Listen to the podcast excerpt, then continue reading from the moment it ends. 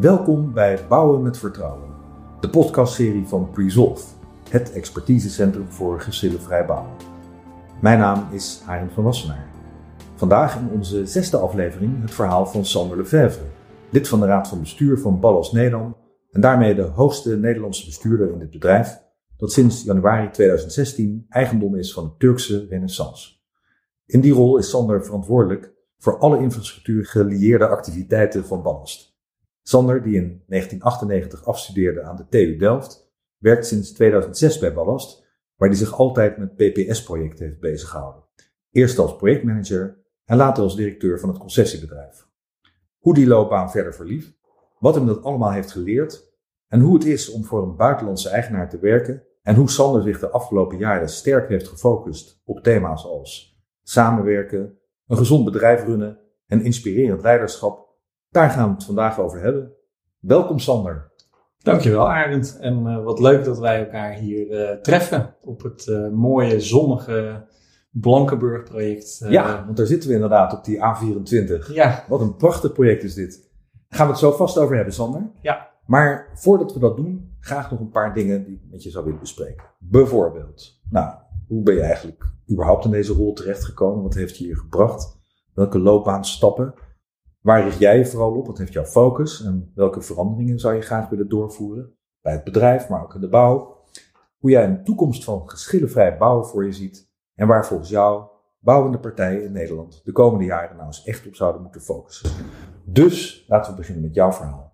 Vertel eens, waar kom je vandaan? Waar heb je op school gezeten? Ja, nou, ik, heb, uh, ik, ik kom oorspronkelijk uit Zeeland, geboren in Middelburg, mm -hmm. 1973. Uh, ik ben opgegroeid in Vlissingen. Uh, twee je mag trouwens gevaccineerd worden binnenkort, hè, denk ik. Ik heb me keurig opgegeven zoals het hoort. Goed, keurig zo. gewacht tot, uh, tot, uh, tot de aanmelding gedaan mocht worden. En ik mag volgende week. Ah, dus, mooi.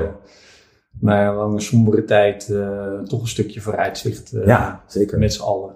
Maar Vlissingen, zei je? Ja, ik, heb daar, uh, ik ben daar opgegroeid in een normaal, uh, normaal gezin. We hebben, mijn vader heeft zijn hele carrière voor Rijkswaterstaat gewerkt. Uh, mijn broers zijn allemaal het water opgegaan, inclusief mijn vader. En ik als eigenwijze telg ben altijd op het land gebleven. Uh, heb uh, na Atheneum daarom ook bewust voor de droge kant van civiele techniek in Delft gekozen. 1998 uh, daar afgestudeerd in railbouw, railbouw, constructieve wegenbouw en betonconstructies. Ik kon ook kiezen welke afstudeerrichting ik koos. Ben uiteindelijk in het asfaltlab afgestudeerd. Um, en in 1998 begonnen bij Royal Haskoning. Royal Haskoning, toen ja. nog niet met DAV. Nee, Nee. In, uh, in Nijmegen. Uh, was een nieuwe unit. Uh, dat is ook iets wat mij aantrekt. Nieuw, nieuwe start-ups binnen bestaande bedrijven. laat ik zeggen dat dat een beetje meer een ondernemers, ondernemerschap in loondienstachtig ding is. Wat ik, wat ik daarin aantrek. wat mij daarin aantrekt. Um, een nieuwe groep. rail was eigenlijk de kernopgave. Het was rail en wegeninfra in, in Nijmegen. Um, ik, ik heb eerlijk gezegd denk ik een week of drie, vier in de rail en wegen echt gezeten. Um, en ben daarna gewoon mijn eigen weg gegaan binnen het ingenieursbureau. En, en ja, eigenlijk die dingen gezocht waar ik zelf een soort win-win van, van kon maken. Maar ook de andere kant van de win-win was het bedrijf. En uh, ik heb op heel veel plekken gezeten. Um, Internationaal ook? Ja, uh, even misschien in volgorde. Ik, mijn kernrol was in het begin was meer advieswerk, klein, kleinschalig advieswerk. Ik ben in de duurzaamheid gestapt, toen al, in 1998. Oh, ja. uh, uh, ik heb vervolgens een aantal grote ontwerpopgaven gedaan in onder andere de HSL. Okay, voor, ja. voor bouwconsortia, waar wij werden ingehuurd als, als ontwerpende partij. Um, ik heb uh, eigenlijk daarna ben ik meer bezig geweest met uh, ja, specifiek projecten en projectmanagement. Uh, mijn laatste werk was een, was een werk in Zeebrugge, waar we namens Halskoning, en dat was destijds met de groep, de oude groep De Wegen in Rotterdam, waar oh, ik toen al ja. zat. Uh, ben terechtgekomen op een, uh, een bouwklus wat ik zelf had ontworpen. Nou, dat is een ervaring, Arend. Ja. Die, uh, Die zou ik iedereen gunnen. Waarom? Nou ja, je ziet daar mooi, de, de, we, hebben, we hebben de mond vol van design en construct en integraal bouwen. Maar je, je, je loopt daar gewoon zo hard tegen het feit dat een, een opdrachtgever daar een ontwerp vraagt. En dan vervolgens een andere partij een, een ontwerp probeert te laten afprijzen en dat te bouwen. Dat ik eigenlijk toen um, zo ver was dat ik dacht, ik moet hier iets mee gaan doen. Mm -hmm. En uh, eigenlijk kwam dat een beetje samen, want toen in Nederland, uh, toen liepen wat PPS-projecten. En toen werd ik door Harbert van der Wild gevraagd of ik met hem samen binnen Ballas Nederland de, de business unit Ballas Nederland concessies wilde gaan vormgeven. Ja, dat was in 2006 hè? Ja. En volgens mij deed uh, Ballas toen samen met Structon uh, Kromhout. Ja. En daar ben je ook op terechtgekomen, toch? Klopt. Daar ja. kennen we elkaar ook van. Ja. ja. Ja, ik heb toen tegen Harbert gezegd, ik wil dat wel doen, maar dan wil ik ook iets concreets doen. En Ja. ik ben gewoon wel een projectenman. Dat, dat is altijd wat ik uh, leuk heb gevonden. Um, en, en, en eigenlijk toen Kromhout Kazerne concreet werd, heb ik ook die overstap gemaakt. Ja. En, en uh, nou ja, dat is leuk, uh, want als inframan, civiele achtergrond, uh, beginnen in een utiliteitsgebouw, utiliteitsbouwproject in een PPS-contract, waar in mijn beleving de achterkant van het project dus lees de soft facilities en hard facilities hetgeen is wat je verkoopt.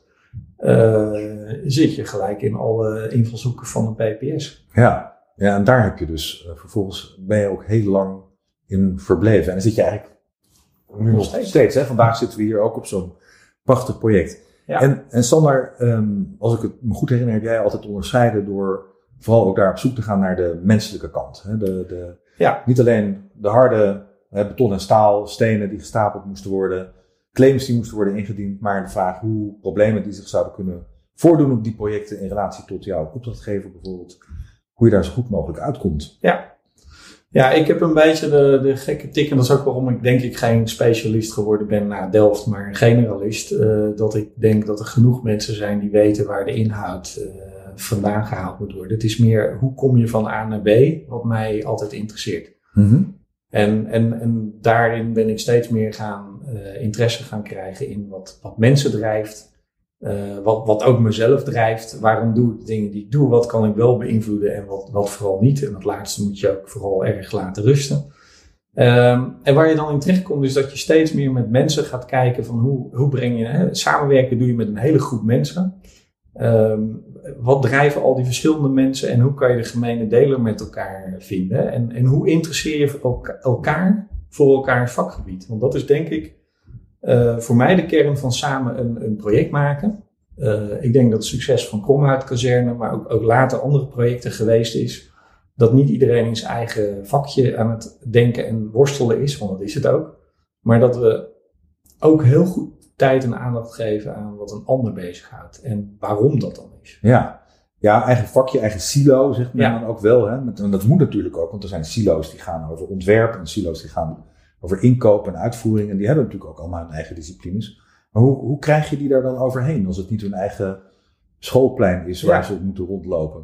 Ja, dat is een. eh, de- Hoe verleid je ze met eh, andere Ik zeg wel eens, ik, dat had ik maar een vak moeten leren, want dan zit je in een van die silo's. Maar dat, het, het is bijna een dagtaak om mensen ook uit te blijven dagen om elkaar op te zoeken. Ja, En ik denk als je kijkt naar design, construct, opgave, dan blijft de struggle met, met het werken met techneuten is dat ontwerpers zeggen: ik moet eerst een ontwerp helemaal af hebben. ja, Ehm, voordat ik het wil delen met anderen. En aan de bouwkant eh, zeggen de mannen heel snel: ja, als ik niet weet wat het is, kan ik er ook nog niet zoveel mee.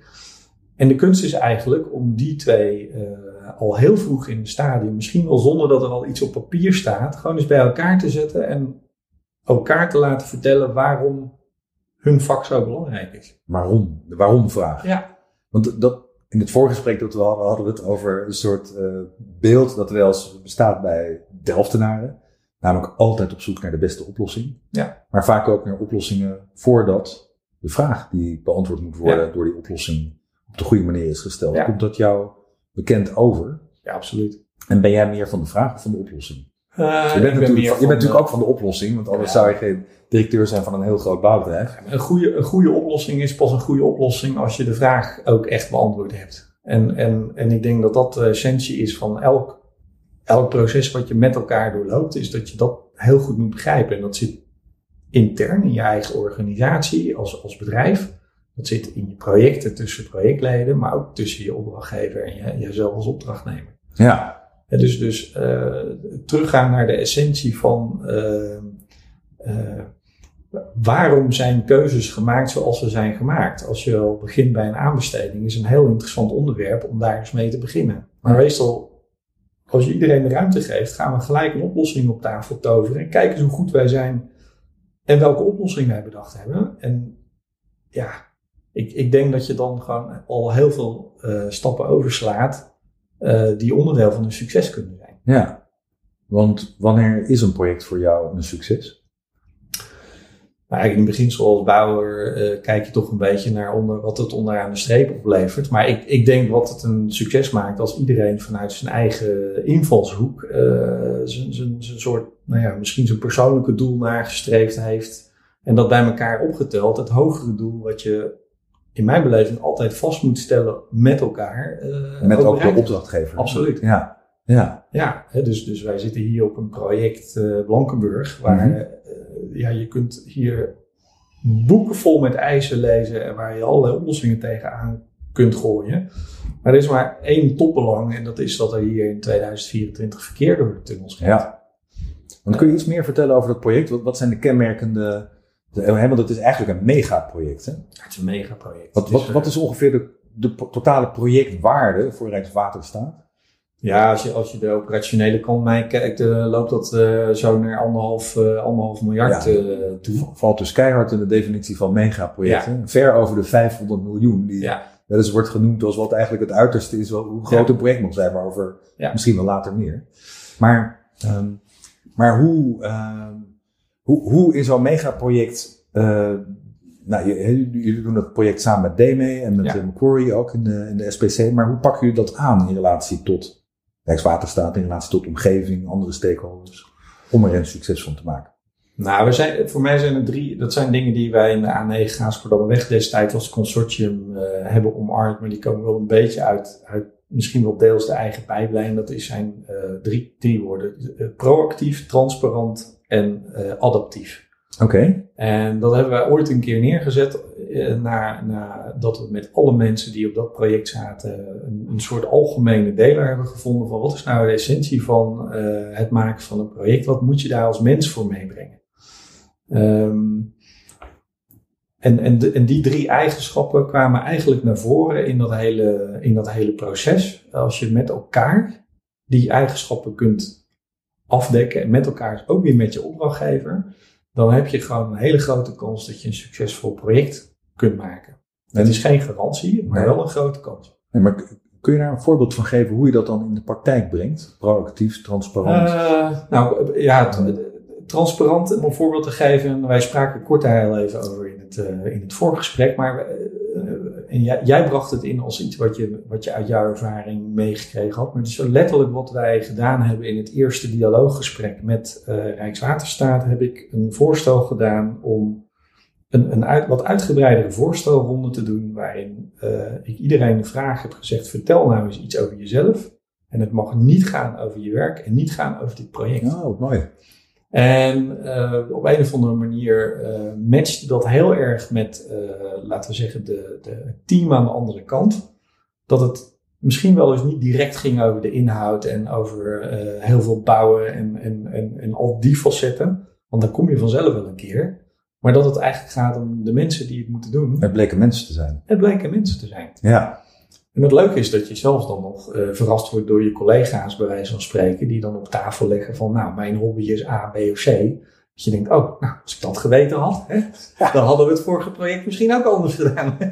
ja, maar dat, dat is inderdaad, ja, ik vertelde jou dat ik dat bij mediations bijvoorbeeld doe, omdat al die verschillende beelden en misschien wel vijandachtige beelden, dat klinkt wel heel heftig, maar dat, dat die plotseling als sneeuw voor de zon verdwijnen als het blijkt om mensen te gaan. Je een soort nieuwe bubbel creëert waaronder je samen vanuit een gemeenschappelijk belang ja. kunt gaan werken aan nou, de oplossing van, het, van de voorliggende vraag. Ja. En in jouw geval een project. Ja. Een megaproject. Ja. Nou, maar even terug te komen op die drie termen. Dat proactieve zit erin, is dat je, dat je gewoon eh, met name kijkt naar, naar ja, je moet vooruitkijken als je iets wilt kunnen bijsturen. Hè? Dus, dus ja, ik, heb, ik heb in het bedrijf, uh, wij, ma wij, maken periodieke meetings over actuals. En dat zeg ik, ja, dat is gewoon terugkijken in de geschiedenis. Hè. Daar, daar kan ik als bestuurder ook niet zoveel mee, eerlijk gezegd. Dat is gewoon een optelsom van cijfers en wat eruit komt, komt eruit. En dat is de waarheid. Ja, het gaat er vooral om. Het van gisteren? Van gisteren? En dus mijn, mijn belang zit veel meer in, in, in wat er voor je ligt. En wat, mhm. kan ik wel, wat kan ik nou zelf beïnvloeden daarin? En daar zit het proactieve element in. Ehm, dat je dus niet over vandaag moet spreken, maar over morgen of liefst nog verder. Ehm, ook weer met je opdrachtgever, maar ook intern in je teams. Uh, transparant betekent voor mij dat je uh, eigenlijk alles moet durven delen wat uh, het hogere doel van het project beïnvloedt. Ook als dat gaat over fouten die je hebt gemaakt, of ook als het gaat over verliezen die je leidt, die ja. je misschien in een vorig leven, althans jij niet, maar misschien vakgenoten voor jou in een vorig leven gewoon als een VTW of een claim zouden willen neerleggen. Ja. Want je kunt het maar beter proberen. Ja. Dat ook. Dat ook.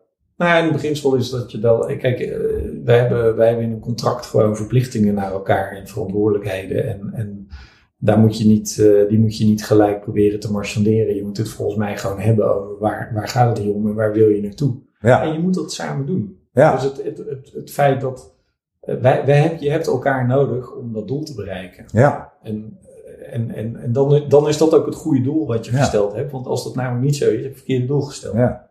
En dat adaptieve?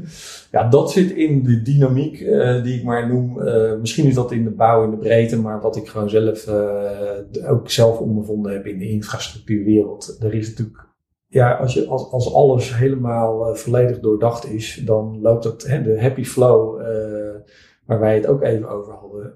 Ja, de happy flow als in je gaat een project beginnen, je zet een planning op en je denkt, nou, zo, gaat, zo gaan we het dus doen. En dat gebeurt dus nooit. En dan gaat het erom, en dat adaptieve zit erin, accepteer nou dat het nooit gaat zoals we het bedacht hebben. Dus probeer ook niet te bedenken op voorhand dat je dat, dat, dat niet het geval is.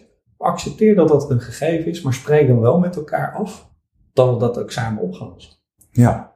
In plaats van, uh, we denken met een contract bijvoorbeeld alles geregeld te hebben, ja, dat is een utopie. Ja. Het contract is een heel mooi middel om elkaar te helpen binnen de extreme. Mm -hmm.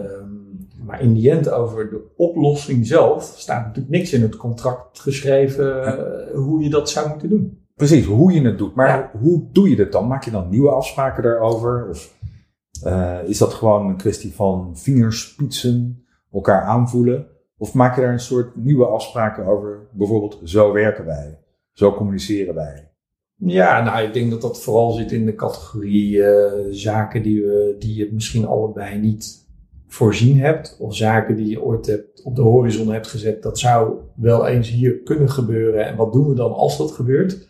He, dus het is een beetje meer verwachting van de toekomstmanager. Ja, uh, samen. Wat je dan ook in het gesprek op tafel moet durven leggen. Ja. En dan krijg je hele gekke gesprekken tussen aanhalingstekens. Dan heb je het niet meer over...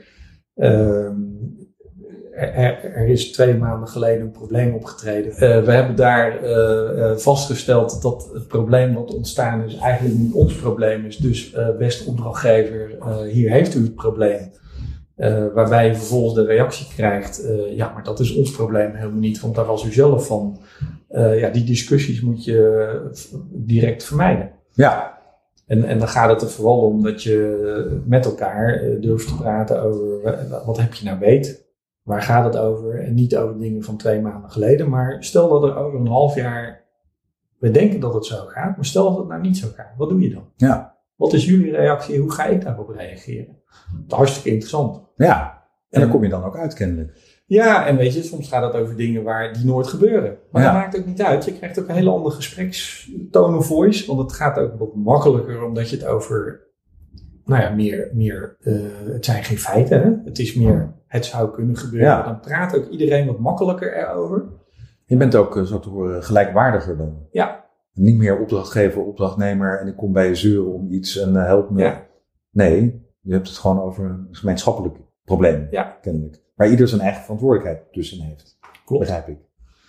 Ja, en, en, en dan gaat het erom dat je elkaar met elkaar wel afspreekt. Dat het contract wat je hebt, uh, daar staat natuurlijk in hoe je tot elkaar, uh, hoe de verhoudingen tot elkaar Ja. liggen. En daar hoef je ook helemaal niet aan te, te tornen. En, en ik vind het belangrijk om dan met elkaar ook af te spreken, een soort spelregel.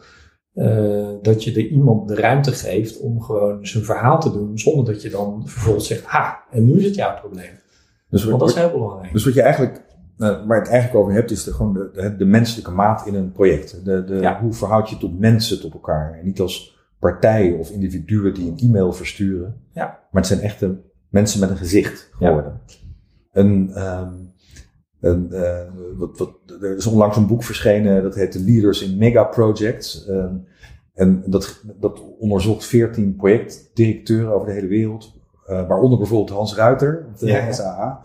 En het ging precies daarover, over menselijkheid in een project. En dat eigenlijk nodig is om, om echt leiderschap en succesvol projecten te kunnen doen.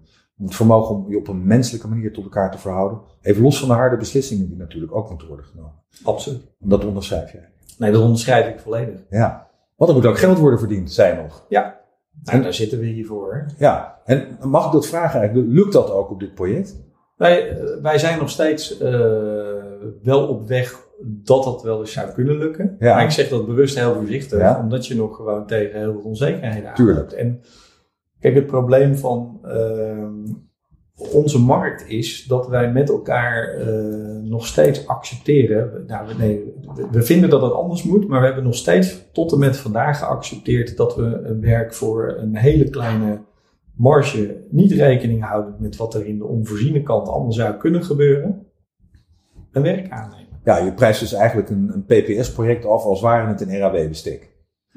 Ja, waarbij je vanuit gaat dat het dan allemaal goed gaat wat je bedacht hebt. En als het niet zo goed gaat, dan claim je het gewoon bij de opdrachtgever. Ja, en dat is denk ik ook de, de want we hebben de discussie in Nederland over een PPS-project en een DWFM-contract. En dat is, daar, kunnen, daar zijn meningen over, is het nou gelukt of niet gelukt. Ik denk dat, ik denk dat het een ontzettend mooi instrument is, mhm. als je dat maar op de goede manier samen durft in te vullen. Ja. En dan kom je ook weer niet op de wat-vraag, maar op de hoe-vraag. Precies.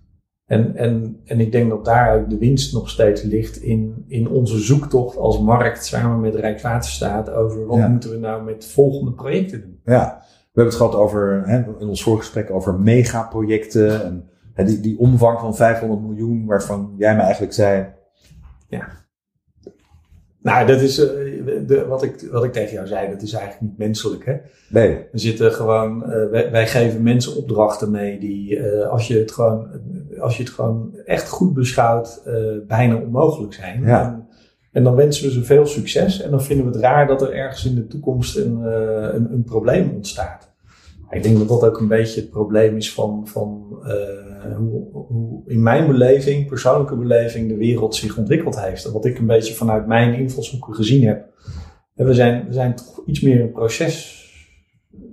We zijn iets te veel naar de proceskant gegaan en de inhoud uh, waar we het eigenlijk van moeten hebben, uh, is, is op afstand gekomen. Ja.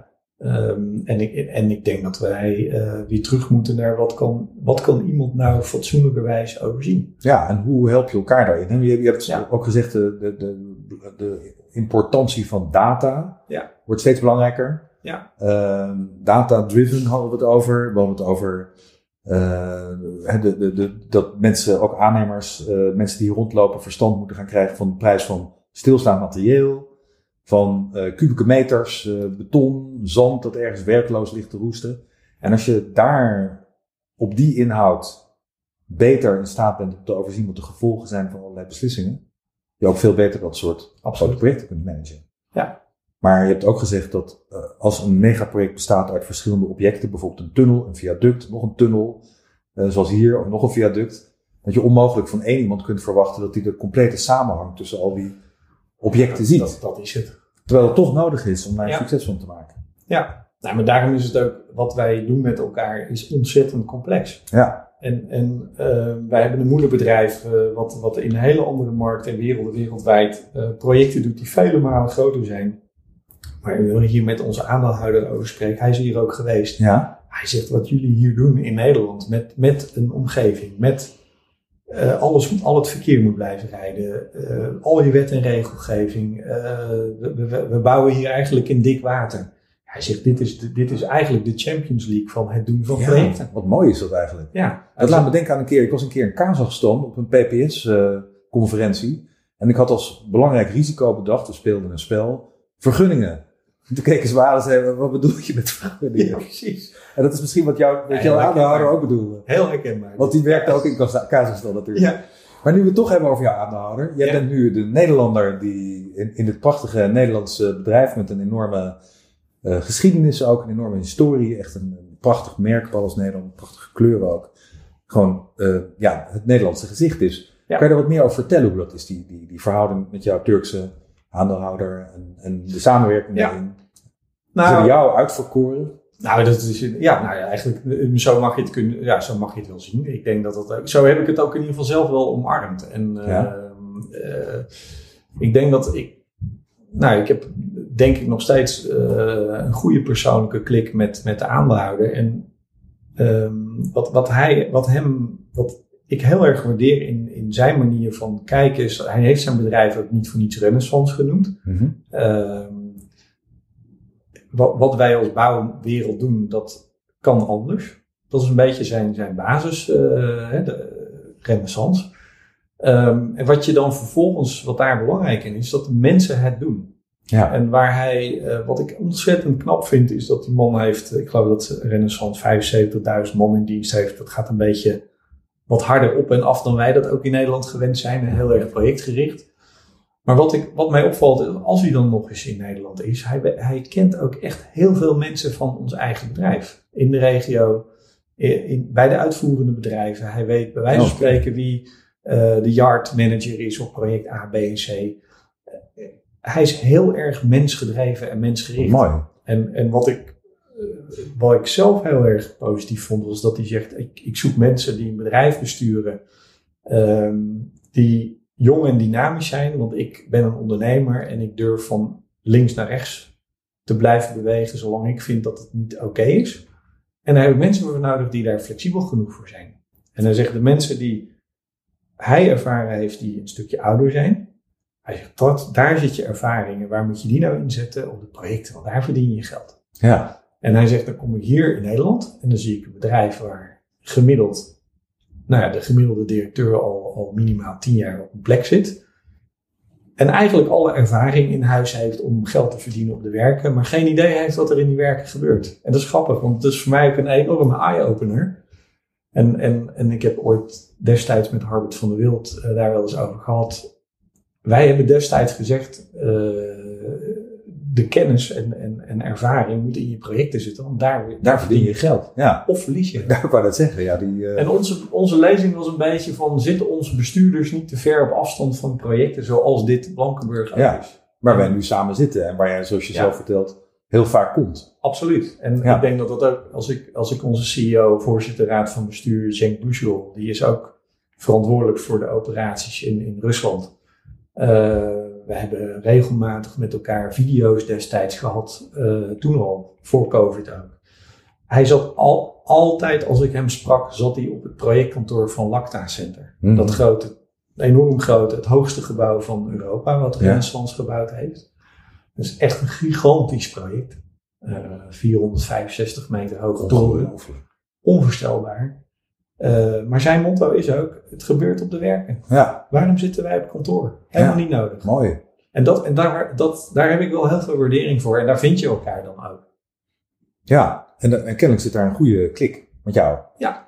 En, eh, Nou, kijk, Arend, ik denk dat het belangrijk ook is, hè, zo'n, ehm, toen ik voor het eerst op de site van Renaissance keek, dan zie je een Turks bedrijf, nog niet zo oud, eh, groot geworden in Rusland, enorme ontwikkeling doorgemaakt. Ja, waar, waar, waar, waar word je aan gekoppeld? Hè? Ja, precies. Mijn, mijn vraag. Want je had een half uur de tijd om hierover te beslissen, vertelde je mezelf Ja. ook. Hè? Ja, Dat is wel een mooi verhaal. ik mocht ook maar één antwoord geven. Dat Ja. is nog het leuke. Ja. nou, we- dat geeft ook een ma- manier van, eh, dat is ook een manier van vertrouwen geven. Ja, Want eigenlijk zegt die man, ik wil dit met jou doen, ik vertrouw jou, alleen zorg nou dat je dat zelf ook hebt. En Ja. ik, heb, ik had dat vrij snel en ik ben ook ontzettend dankbaar dat ik die mogelijkheid heb gehad. Ja. En ik ben ontzettend blij dat ik daar ook gewoon ja tegen heb gezegd, want ik had het, ja, zo'n le- leercurve die wij hebben meegemaakt in Nieuwegein, die, eh, ja, dat is eenmalig denk ik, eh, dat je dat ik hoop het wel, ja. Ja, ja, Dus, eh, goed, het is, Althans, als je kijkt naar wat er achter je ligt. ja, Ja. Ja. En wat er voor je ligt, dan mag die nog lekker stijl blijven natuurlijk. ja, absoluut. Toch? Zolang maar wordt voldaan aan proactief, transparant, adaptief. Ja, en onder de streep. Dus dat is heel belangrijk. Ja. En dat vind ik ook de kracht uh, van, uh, van de combinatie, is dat er enorm respect is vanuit de Turkse kant over wat wij als bedrijf hebben gedaan. Ja. Ook in het verleden, daar wordt, en dat is het mooie, onze, vorige, onze, onze toenmalige CEO zei dat het mooie van referenties is dat nooit iemand vraagt wat het eindresultaat in euro's was. Hè? Ja. Uh, Precies. maar wat je ziet is dat wij natuurlijk als bedrijf nog steeds echt wel enorme schat aan, aan referenties hebben. Waar Renaissance zelf ook, ook natuurlijk in hun markten gewoon nog steeds mee de boer op kan. Wat ja. heel gek is. Ja, maar dat is toch wel mooi. Ja. Sander, ik zou, uh, voordat we aan het einde komen, want daar zijn we bijna van dit gesprek, eigenlijk nog twee dingen aan je willen vragen. Ja. Eén hebben we niet zo in ons voorgesprek besproken, maar je weet, uh, de vorige podcast was met Michelle Blom. Ja. En die heeft toen verteld over het belang van diversiteit. Nou, kun je daar wat over zeggen hoe dat zit in dit bedrijf? Um, nou, ik, ik onderstreep het belang van diversiteit. Hè? Zeker als het om mensen gaat. Ja. Dat, uh, dat was mijn, mijn mooie ervaring ook op, op een kromhoutkazerne. Waar je eigenlijk met... Nou ja, de, ik, ik, denk niet dat er ooit zo'n divers projectteam bij elkaar geweest is. Mm -hmm. En, en, en even terugkomen aan het begin. Als je dan bereid bent om van elkaar te begrijpen wat je drijft... kan je ook een optimum creëren. Wat, wat natuurlijk gigantisch is. Hè? We hebben dat kan je wel vertellen nu. We hebben daar destijds voor de laagst mogelijke prijzing die, die er mogelijk was ingeschreven. Ja, waarvan is... iedereen zegt dat kan helemaal niet. Nee. En we hebben denk ik uh, gewoon, de, ik denk dat het een van de beste projecten geweest oh, is. En, en dat zit dus niet in. Uh, dat zeg je in antwoord op mijn vraag over diversiteit. Dus zit daar inderdaad. Nou, de, ja, wat, daar, wat, wat we daar geleerd hebben, is wat de verdienmodellen van de verschillende bedrijfstakken zijn. Okay. En, en, en als jij bereid bent om wat te geven en, en of te nemen, en, en dat doet iedereen op zijn manier, mm -hmm. hebben wij een optimum gevonden, waardoor we onderaan de streep met z'n allen, alle bedrijfsonderdelen, of dat nou onze facilitaire dienstverleners waren, iedereen heeft daar gewoon een fantastisch project aan. Mooi. En ik denk dat dat uh, de winst geweest is van de diversiteit. Niet gehinderd door enige uh, vorm van, van een soort stempel van zo moet het. Ga maar zelf met die club eens uitvinden hoe het optimum eruit ziet. Mooi. En, en, en daarom hoop ik ook dat wij als bedrijven ook daar ja, zelf de aandacht op hebben. Dat is ook voor mij nog steeds wel een uitdaging, denk ik, met een wat meer traditioneler, een beetje voorzichtig zeggen, traditioneler Turks bedrijf. Want wat zij bijvoorbeeld veel beter doen dan wij, is het positioneren van de vrouw in het, ja. bedrijf. Hè. Uh, notabene de holding wordt voorgezeten door de, de zus van de eigenaar, oh, ja? ook mede-eigenaar. Uh, heel betrokken, enorm ja. HR gericht. Uh, het, het, positioneren en het ook laten zien hoe belangrijk dat is in het bedrijf. daar zijn zij zo goed in, daar kunnen wij met z'n allen wat van leren in Nederland. Ja. Dat is allemaal heel gek. Ja. En tegelijkertijd, uh, ik, ik durf bijvoorbeeld op een werk als dit mensen uit te, aan te nemen die niet uit de bouwsector komen. Mooi. Nou, dat is weer een stapje te ver voor de traditionele oh, ja. denkers.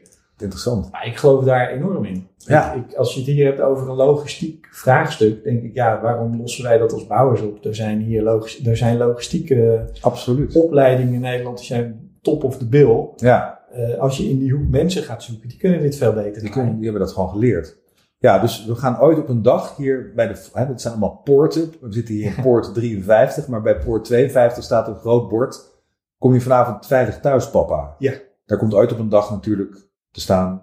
Komen jullie vanavond veilig thuis, papa en mama? Papa en mama. Ja. ja.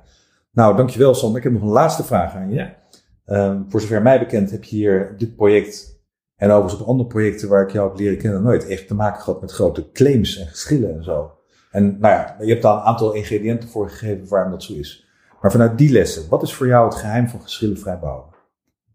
Uh, ik, ik, denk dat die in de uh, essentie terugkomen in de drie termen die ik ook eerder genoemd heb. En um, het, het, het, gaat erom dat je elkaar durft mee te nemen in, in een probleem wat er is.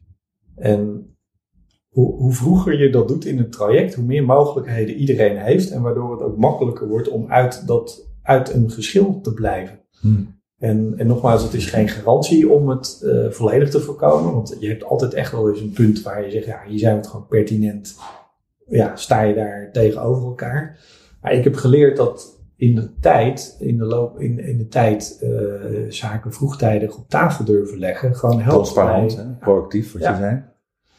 En ik heb zelf ook, eh, ik heb zelf totaal geen geloof in een, uh, daar moet je, dat zeg ik ook altijd, dan moet je mij ook niet uh, naar voren schuiven. Op het moment als het gewoon alleen maar een clash is over jullie en wij en dit is onze, ons gelijk en jullie, dat, dat, is niet mijn, dat zit niet in mijn aard. Nee. Ik ben een bruggenbouwer. Ja, ik ben een bruggenbouwer.